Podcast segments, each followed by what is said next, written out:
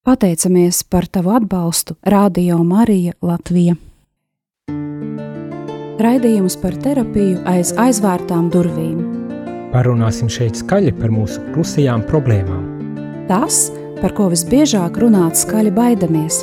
Par mūsu psihisko veselību un Dievu.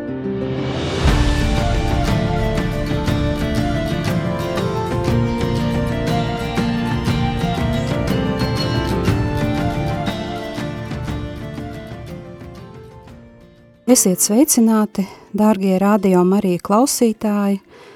Šodien raidījumā aiz aizvērtām durvīm esmu atkal kopā ar jums, šoreiz otro reizi, uh, geštālt psihoterapijas speciāliste Sandra Krupenko.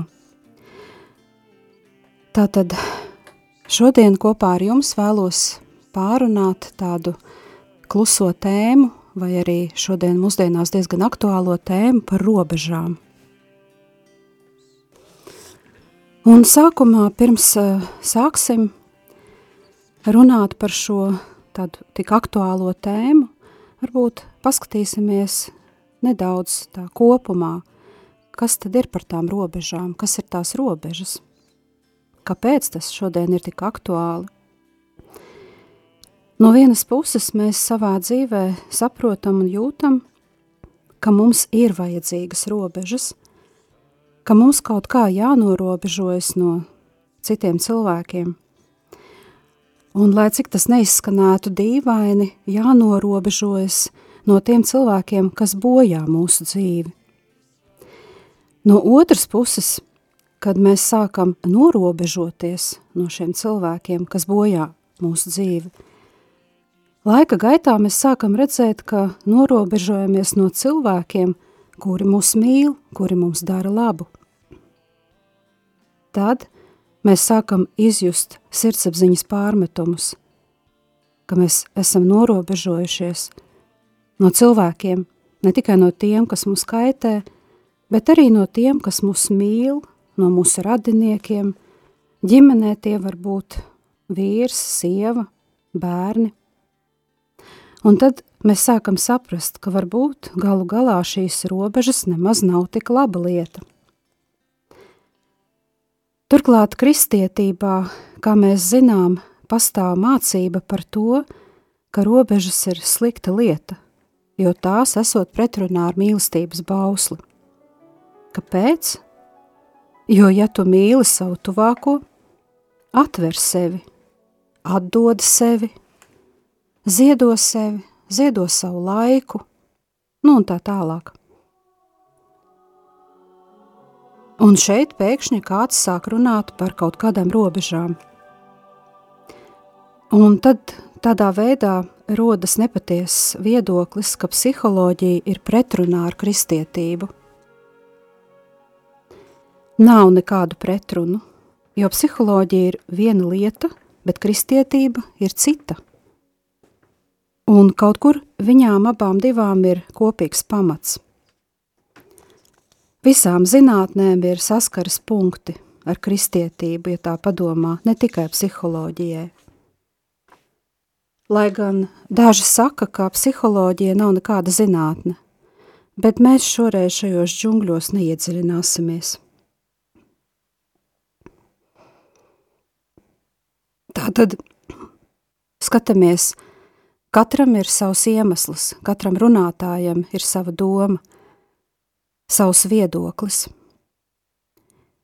Jo kristietība nodarbojas ar cilvēku, un jebkura zinātne, kas nodarbojas ar cilvēku, saskars ar cilvēku, tai būtu jāsaskars ar cilvēku.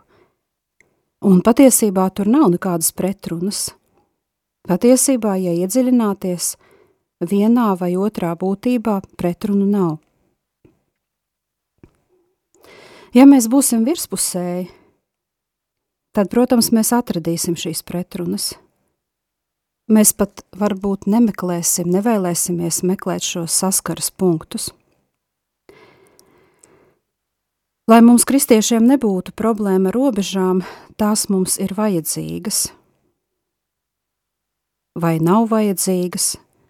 Mēs tās varam būvēt vai nē, varam domāt par to, kā tās veidot, nu un tā tālāk. Dažādas, dažādi jautājumi, dažādi skatījumi. Bet pamēģināsim paskatīties uz robežām no kristīgā skatu punkta. Mēs, cilvēki, nākam no Dieva. Mūsu eksistences primārais avots ir Dievs. Jā, Viņš ir primārais avots. Un kā tad Viņš mūs radīja? Pirmkārt, tas, ko sauc par radīšanu, arī nozīmē robežas, zināma veida ierobežojumus. Un nākamais punkts ir tāds, ka biežāk gadās, ka tieši pašsaprotamas lietas mums visu vislabāk izskaidro. Lūk, Dievs kungs piešķir mūsu eksistencei noteiktu rāmi, iedod robežu. Ja mēs paskatāmies uz cilvēku anatomiju, cilvēks aizņem noteiktu vietu. Mēs, kā cilvēki, neesam bez robežām. Mēs ieņemam skaidri noteiktu telpu. Šeit ir mūsu pirmā, visvienkāršākā ķermeņa robeža - noteikta telpa. Un šāda plāna primārais avots ir Dievs, Es atkārtošos vēlreiz, mēs aizņemam noteiktu vietu, kura mums ir svarīga, kura mums ir vajadzīga, nepieciešama, lai mēs varētu būt. Un vēl mums ir arī skaidri noteikta struktūra. Tie ir visi mūsu orgāni, kurus arī var izmērīt. Tiem ir robežas. Piemēram, mūsu sirds izmērs ir apmēram dūras lielumā aknu izmērs ir nedaudz lielāks par vienu dūri, nu un tā tālāk. Skaidri ir noteikts arī mūsu kaulu, muskuļu izmērs. Ja paskatāmies uz mūsu fizioloģiju, ko mēs redzam, mums ir dotas kustības. Mums ir skaidri noteikts kustību diapazons. Tātad Sēžot klasē, piemēram, pēdējā solā, es nevaru pastiept roku, lai pieskartos tāfelē. Kāpēc? Jo es esmu ierobežota. Šajā gadījumā mani ierobežo rokas garums. Precīzi definēts kustību diapazons. Turklāt mēs esam pielāgoti dzīvot skaidri noteiktā vidē. Mums ir nepieciešams skābeklis un ir gravitācija, nu un tā tālāk. Mēs esam pielāgoti noteiktai, noteiktam krāsu diapazonam, ko mūsu acis spēj uztvert, un ir lietas, kas ir ārpus mūsu acīm Un tā ir vēl viena ļoti vienkārša robeža. Mēs varam tikt, cik mums ir dots. Vēl mēs varam uztvei, uztvert noteiktas viļņu frekvences, un tas ir mūsu dzirdes jautājums. Ja mēs turpinām runāt par mūsu fizioloģiju, tad skaidri apzināmies, ka mūs ierobežo slāpes, izsalkums un miegs un arī šīs ir mūsu robežas. Ja runājam par slāpēm, tad šeit viss it kā liekas skaidrs. Tas ir mūsu fizioloģijas jautājums. Ja paskatās uz robežām, ko nosaka mūsu veselība, tad katrs no mums vēlētos kaut ko daudz vairāk. Un varbūt mūsu domas un dvēsele vēlētos daudz ko, bet mēs zinām, ka ķermenis ļoti bieži netiek līdzi mūsu sapņiem, mūsu iegribām. Un varbūt tas ir arī labi, jo reizē mums maldīgi šķiet, ka mūsu dvēselē nav robežu un ka tā var lidot gan augstu, gan tālu, Ir tādi brīži, kad mēs par to ļoti dusmojamies uz savu ķermeni. Jo ķermenis ir tas, kas mūs kavē īstenot šīs mūsu vajadzības, šos mūsu sapņus. Bet varbūt tas ir labi, ka mūsu ķermenis mūs ierobežo, jo viņš apzinās šo robežu, taču dvēsele nevienmēr. Un labi, ka mums ir ķermenis, kas spēj savaldīt šo dvēseli, kura vēlas lidot. Jo šajā vietā mēs varam apstāties un padomāt par to, cik bieži mēs izdegam, kad mēs saņemam šo izdegšanas sindromu. No kurienes tas mūsos ir? Nu, lūk, tas arī ir no tā, ka mēs neieklausāmies savā ķermenī, Mēs piespiežam to strādāt, un tad viss mēs izdegam. Un kas seko tālāk, tad mēs meklējam dažādas grāmatas, seminārus par izdegšanu, un mums ir jāatgūst, jāatgūstas. Un šis ir mūsu veselības jautājums, arī jautājums par robežu. Mūsu psihe ir ierobežota, Mūsu domāšana ir ļoti ierobežota, un šeit mums pat nav jāveic nekādi lieli eksperimenti.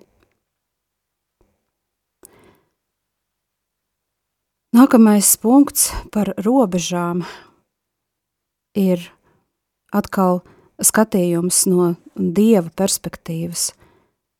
Dievs tā ir sakārtojis cilvēka psihi, lai mēs augot, nobriestot, ar vecumu attīstītos. Un mums ir kaut kādas ar vecumu saistītas izmaiņas, nevienmēr, diemžēl, emocionāli, bet fiziskā ziņā noteikti. Personībai jāattīstās par holistisku personību, harmonisku un laimīgu. Ja labāk ieskatītos, Personība attīstās no tā brīža, kad tai robežas vēl nepastāv. Līdz tai vietai, kur arvien smalkāk un smalkāk tā attīsta savu robežu esamību. Tā mazs bērns plus mīnus līdz sešiem mēnešiem varētu teikt ir tā kā saplūdis ar savu mammu. Viņš un māte ir veselums. Šeit nav robežu. Bet, ja mēs paskatāmies uz bērnu, kuram ir seši mēneši un vairāk, tāds bērns jau pamazām sāk saprast, protams, savā izpratnes un uztveres līmenī, ka viņš ar mammu nav viens un tas pats. Bērns sāk to saprast, bet māte nevienmēr to grib saprast. Dažiem šī doma var būt laba, ko paturēt prātā un vēlāk varbūt apdomāt. Bērns sāk saprast, ka viņš nav viens ar mammu, sākot ar sešiem mēnešiem, dažreiz varbūt nedaudz vēlāk vai varbūt agrāk, kā nu kurš. Māma dažreiz nesaprot, it īpaši, ja tas ir dēls, un viņam jau ir 40 gadu. Ejam tālāk un eh, redzam, ka bērns sāk izzināt pasauli no pusotra gada vecuma. Viņš pamazām veido savas robežas un uzzina par robežu esamību, esot tieši starp citiem cilvēkiem. Ko tas nozīmē? Fakts ir tāds, ka tieši šajā laikā mēs bērnam mācām vārdu nē, jēgu. Ko nozīmē nē? Bērns pieņem šo vārdu savā leksikā un sāk saprast šo vārdu kopā ar citiem vārdiem. Viņš to saklausa tekstos, runās, dialogos. Tas ir apmēram pēc gada vecuma. Ja mēs sākam šo procesu 15 gadu vecumā, tad jājautā, nu, ko jūs vēlaties? Drusku tā kā nokavēts. Jo visu laiku bija jā, jā, un pēkšņi 15 gados mamma bērnam saka nē. Bērns to vispār neustver. Reizēm pie mamām, pie tēviem tas ir retāk, bet gadās arī bet mamām visbiežāk ir priekšstats, ka laba mamma ir tā, kura bērnam neko neliedz. Lūk, varu jūs abēdināt, šī ir ļoti slikta mamma, viņa pilnībā kavē bērna attīstību. Ja būs kāds brīvs brīdis un interese, iesaku palasīt par cilvēku attīstību, jo personības attīstība ir ļoti cieši saistīta ar robežu izpratni un to īstenošanu. Jā, ļoti cieši. Nākamais brīdis vai izaugsmes periods ir pusotrs gads, trīs gadi. Kas tas par vecumu? Jā, tas ir vecums, kad ir pienācis laiks jau parādīt savu individualitāti. Kā tas tiek izteikts? Kad bērns šļupstēdams saka, es pats. Jā, laiks individualitātes izteikšanai, laiks savas autonomijas izpausmē. Un tad nav jēgas gaidīt no bērna pašdisciplīnu, nav jēgas gaidīt no bērna neatkarību, jo tajā vecumā bērnam bija aizliegts eksperimentēt. Lūk, tāds ir trīsgadnieks. Nedaudz vēlāk, trīs līdz pieci gadi, jau notiek identificēšanās savā dzimumā. Bērns atklāja sava dzimuma identitāti, identificē sevi ar tā paša dzimuma vecāku un tajā pašā laikā sāk konkurēt ar tā paša dzimuma vecāku. Vecākiem un bērniem šis ir grūts periods, un arī ļoti delikāts brīdis, jo šajā brīdī tā varētu teikt, sākas izglītošana laulības dzīvē. Jā, tieši no 3 līdz 5 gadiem. Šajā brīdī Dārgo klausītājs aicināšu nedaudz pārdomāt to, ko iepriekš dzirdēji, varbūt atcerēties sevi, atcerēties eh, sevi kopā ar saviem brāļiem un māsām, un tāpatās, ja tev ir bērni vai mazbērni, pavēro viņus, mēģini atcerēties, kā viņi uzvedās, kā viņi izpaužās, kā viņi sprauž savas robežas. Aicinu pabūt kādu brīdi šajās pārdomās, klausoties muzikālo pauzi.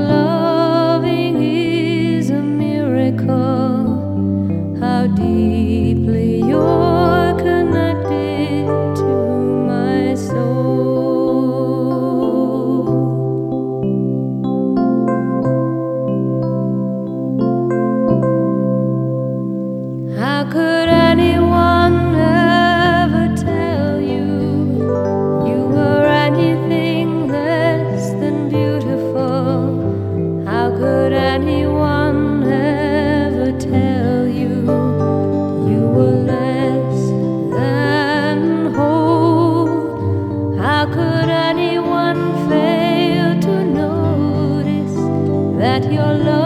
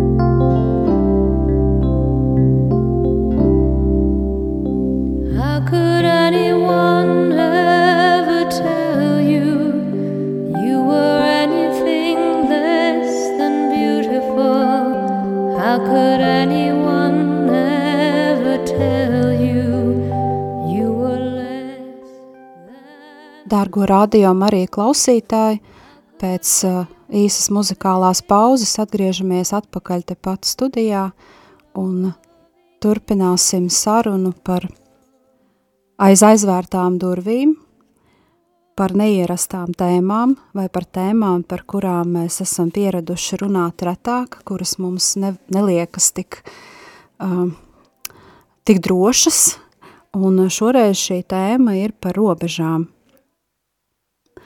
Un uh, pirms pauzes mēs teicām, ka uh, tātad 3 līdz 5 gadi bērnu vecumā ir identificēšanās ar savu dzimumu. Bērns atklāja savu dzimumu identitāti, līdzinoties vai vērojot vecāku, kurš ir tāda paša dzimuma kā viņš. Tātad, ja ir zēns, tad viņš skatās uz tēvu un saprot, ka, ā, es esmu līdzīgs tētim. Nu, tad kā tētis runā, staigā, kustās, kā viņš kontaktējas, kā viņš dara lietas, kā viņš uzrunā cilvēkus, kāds viņš ir ar mammu, varbūt ar māsu mazo, nu un tā tālāk. Ja tā ir meitene, tad viņa tieši tāpat skatās arī uz savu mammu un mēģina identificēties. Vēl bērni tajā vecumā arī konkurē ar tā paša dzimuma vecāku. Vecākiem un bērniem šis ir grūts periods. Tas ir ļoti delikāts brīdis, jo, kā mēs arī iepriekš teicām, šis ir laiks, kad varētu tā teikt sākās izglītošana laulības dzīvēm. Un tad gribas jautāt, tiešām no triju gadu vecuma? Jā, lūk, ja šis seksuālās identifikācijas process kopumā nenorit harmoniski, piemēram, bērns nāk un jautā, no kurienes es esmu radies? Nu, un mūsdienās droši vien ir bišķiņa savādāk, uh, Vecāki ir diezgan izglītoti, droši, atvērti, atklāti, bet kādā vienā otrā ģimenē gadās kāds vecāks pasaka, nu, no kāpostiem, atradu tevi kāpostos, jā. Agrāk teica stārķis atnesa.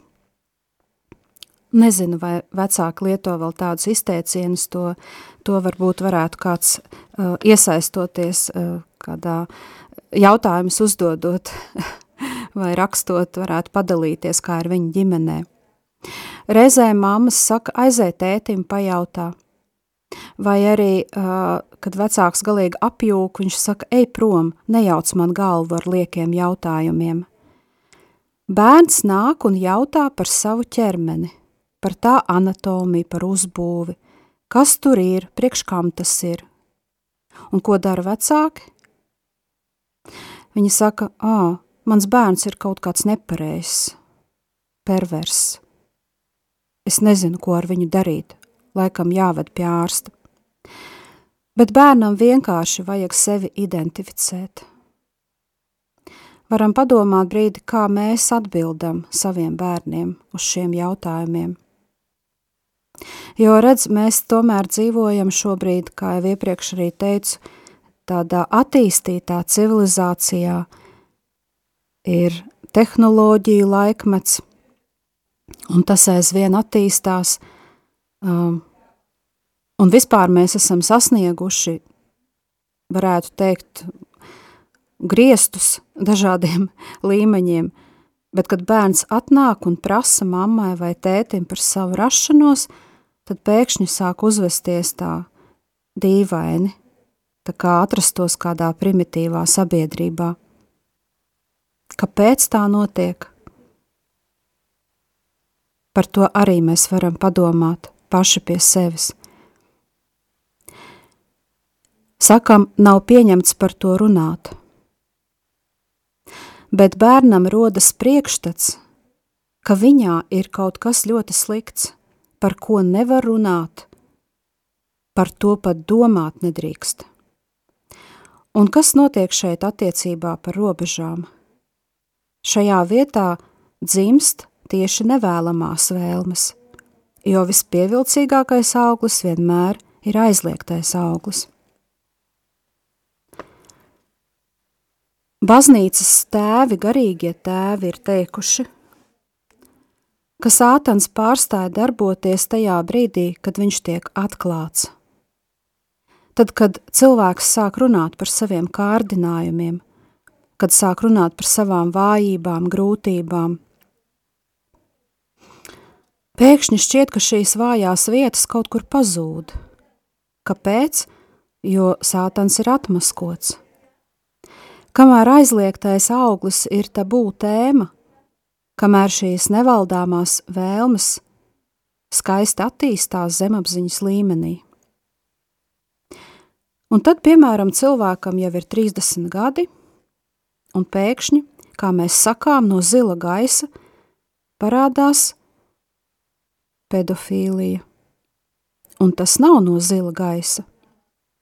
Mēs to esam audzējuši ar savām rokām kopš triju gadu vecuma. Vai arī pēkšņi ģimenē parādās homoseksualitāte. Bet tas ir, ja mēs runājam par tik akūtiem piemēriem. Ir arī tā, ka, piemēram, sievietē 35, 38 gadu vecumā šķiet, ka viņa, viņai ir laiks precēties, viņa arī gribētu precēties. Varbūt pat arī jau ir ar ko precēties – bet viņa ļoti konkrēti saka, ka viņa negrib bērnu, vienkārši negrib. Vai varbūt viņa saka, es apprecētos, bet tas nozīmē, ka man būs seks ar savu vīru, un tas man pavisam noteikti ir pretīgi. Vai, piemēram, vīrieši, kas baidās no sievietēm, un ne tikai seksuālajā jautājumā. Ja paskatās uz mūsu sabiedrību, tā reizēm izskatās pēc tādas kā epidēmijas. Ja mēs ejam tālāk pa bērna vecuma posmiem un runājam par robežām, tad nākamais vecums ir no 6 līdz 11 gadiem, kad mācām bērniem pildīt pienākumus. Tur ir skola, mācības, arī mājas dzīve, un mājas dzīvē Tas nenozīmē tikai es atnācu no skolas, noliku savu skolas somu, paskatījos uh, telefonā, datorā vai, vai kaut ko vēl tur padarīju. Tas nozīmē arī, ka es iesaistos mājas uzkopšanas dzīvē, nezinu, dārza stādīšanas dzīvē, es uh, mazgāju traukus, uh, pārklāju savu gultu, iznesu miskastu un tā tālāk. Tie ir pienākumi.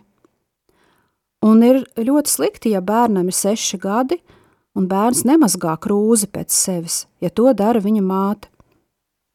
Un šis ir brīdis, kad mēs apgūstam robežas, jo šajā brīdī mēs mācāmies disciplīnu. Vajag pēc sevis sakopt. Jāmācās, gribi vai negribi, ir jāiet uz skolu, Un caur to bērns uzzina, ka dzīvē ir lietas, kas varbūt nav īpaši patīkamas, bet ir vajadzīgas. Un tas arī ir jautājums par mūsu robežām laika organizēšanas ziņā.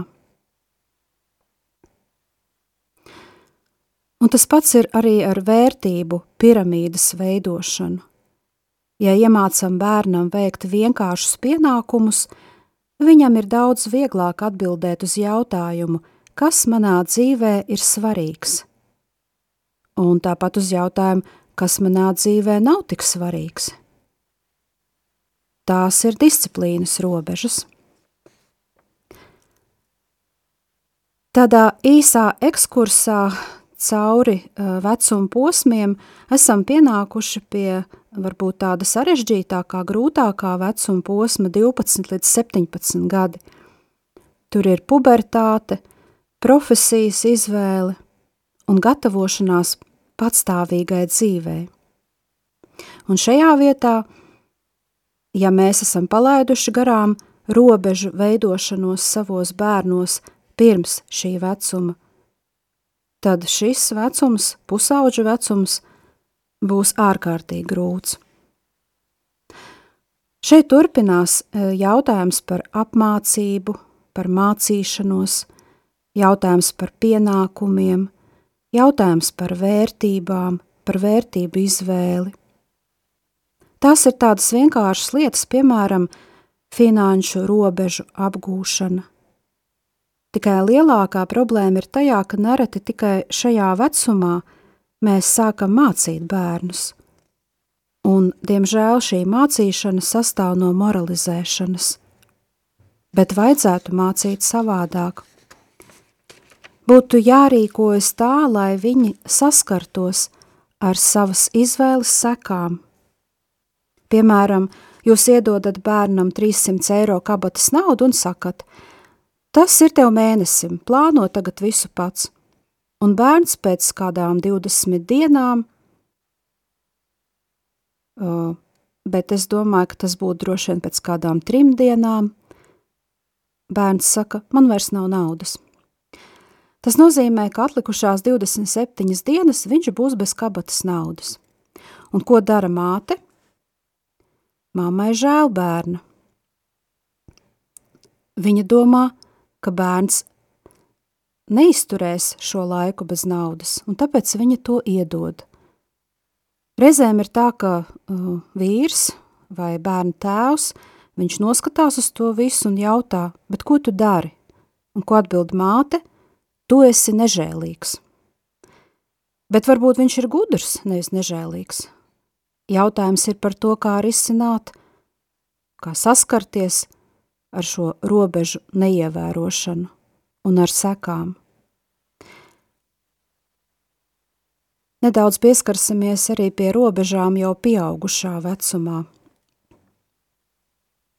Tad, kad mēs esam kaut kādās savās konkrētās pieaugušo lomās vai tās pildam, kad esam sieva vai māte, vīrs vai tēvs, um, runāsim par sievietēm, varbūt šoreiz vairāk. Mm, es esmu sieva un māte. Es esmu viss, un bez manis šī pasaule sabruks. Ja runājam par vīriešiem, tad viņi saka, es esmu vīrs un tēvs. Šie vīrieši reizēm ir mm, tāda kā dekorācija, bet viņš saka, ka viņš šeit ir. Vēl viens pretstats.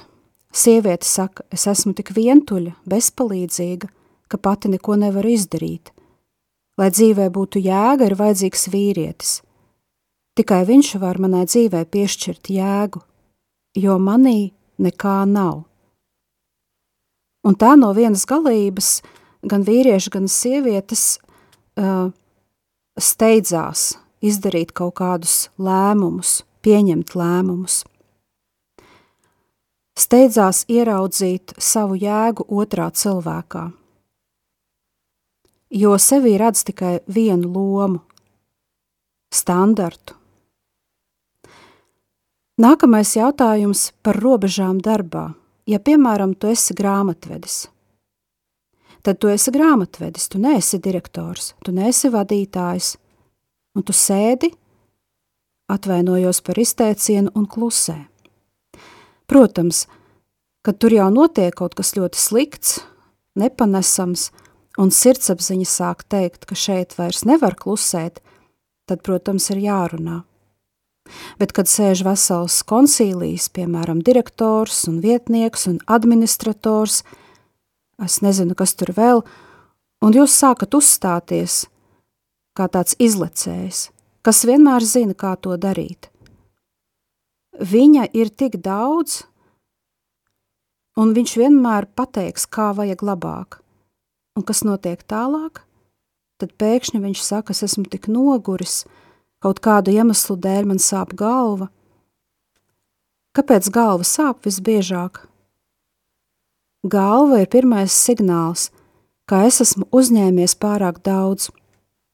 Visbiežāk, nevienmēr, bet visbiežāk galva dod pirmo signālu. Tās nav varbūt briesmīgas sāpes, tā nav migrēna, tas ir kaut kādas vieglas sāpes, Biežāk liekas, ka tā galva ir kā piebāzta ar vati. Lūk, te ir dažas domas par šo robežu jautājumu. Un tā ir tēma mums, kristiešiem, un tā ir pavisam ikdienišķa tēma. Te atklājas, ka robežas kā arī sākumā teicu, ir radījis Dievs. Viņš pats mums ir devis robežas. Viņš mūs tādus ir radījis, lai mēs ievērotu šīs robežas, gan pie sevis, gan pie citiem. Un tagad vēl mazliet paskatīsimies no Bībeles skatu punkta, dažas domas par izredzēto tautu. Dievs atdala šo tautu no citām tautām un dod tai ļoti skaidrs robežas, gan attiecībā uz zemi, gan likumiem. Ja paskatās uz mūsu kristietību, uz pirmajiem kristietības gadsimtiem, kāda tā bija? Kristieši izveidoja paši savas kopienas un faktiski dzīvoja kopienās, viņi strādāja dažādās vietās, arī ar pagāniem kopā un tā tālāk, bet viņi izveidoja savas kopienas, tika nošķirti. Vārds, kuru bieži izmantojam, svēts, latīņu valodā nozīmē atdalīts, sanktus, svēts, svētais, neaizskarams, īpašs, dziļi cienīts, likumīgs. Svētās vietas mūsos ir ļoti skaidri nodalītas no citiem jautājumiem – Mēs par tām rūpējamies, un ja paskatās uz garīgo dzīvi, un tikai tad uz garīgo tēvu, tūkstneša tēvu, baznīcas tēva norādījumiem, šī robežu tēma, saglabājot to, kas ir svēts tevī, tas ir ļoti skaidri noteikts. Dargie rādījumi arī klausītāji, šī ir neizsmeļama tēma. Es domāju, ka mēs varēsim turpināt arī nākamajā reizē runāt par robežām, par to, kā uz tām skatās Dievs, ko par tām runā psiholoģija un kā to var savienot arī kristiešu dzīvē. Un tagad, atvadoties, es aicinu jūs, kam interesē, kam bija vērtīgi, kādā brīvā brīdī varat uzrakstīt uz studiju, um, e-pasts ir studija eta rml.lv. Es būšu ļoti priecīgi, ja arī kāds Facebookā man pie nosaukuma Sandra Brigita uzdos kādu personīgu jautājumu par šo tēmu. Es labprāt atbildēšu arī personīgi. Un Šodien noslēdzot šo tēmu, esmu ārkārtīgi pateicīga par to, ka klausījāties, ka bijāt kopā, ka lūdzāties arī par mani, par sevi, par mums kopā visiem un par mūsu robežām. Un tagad uh, mūzikas pauzē pārdomāsim vēlreiz par savām robežām, katrs savā dzīvē. Paldies! Jūs klausījāties raidījumu par terapiju aiz aizvērtām durvīm. Paldies par tavu ziedojumu!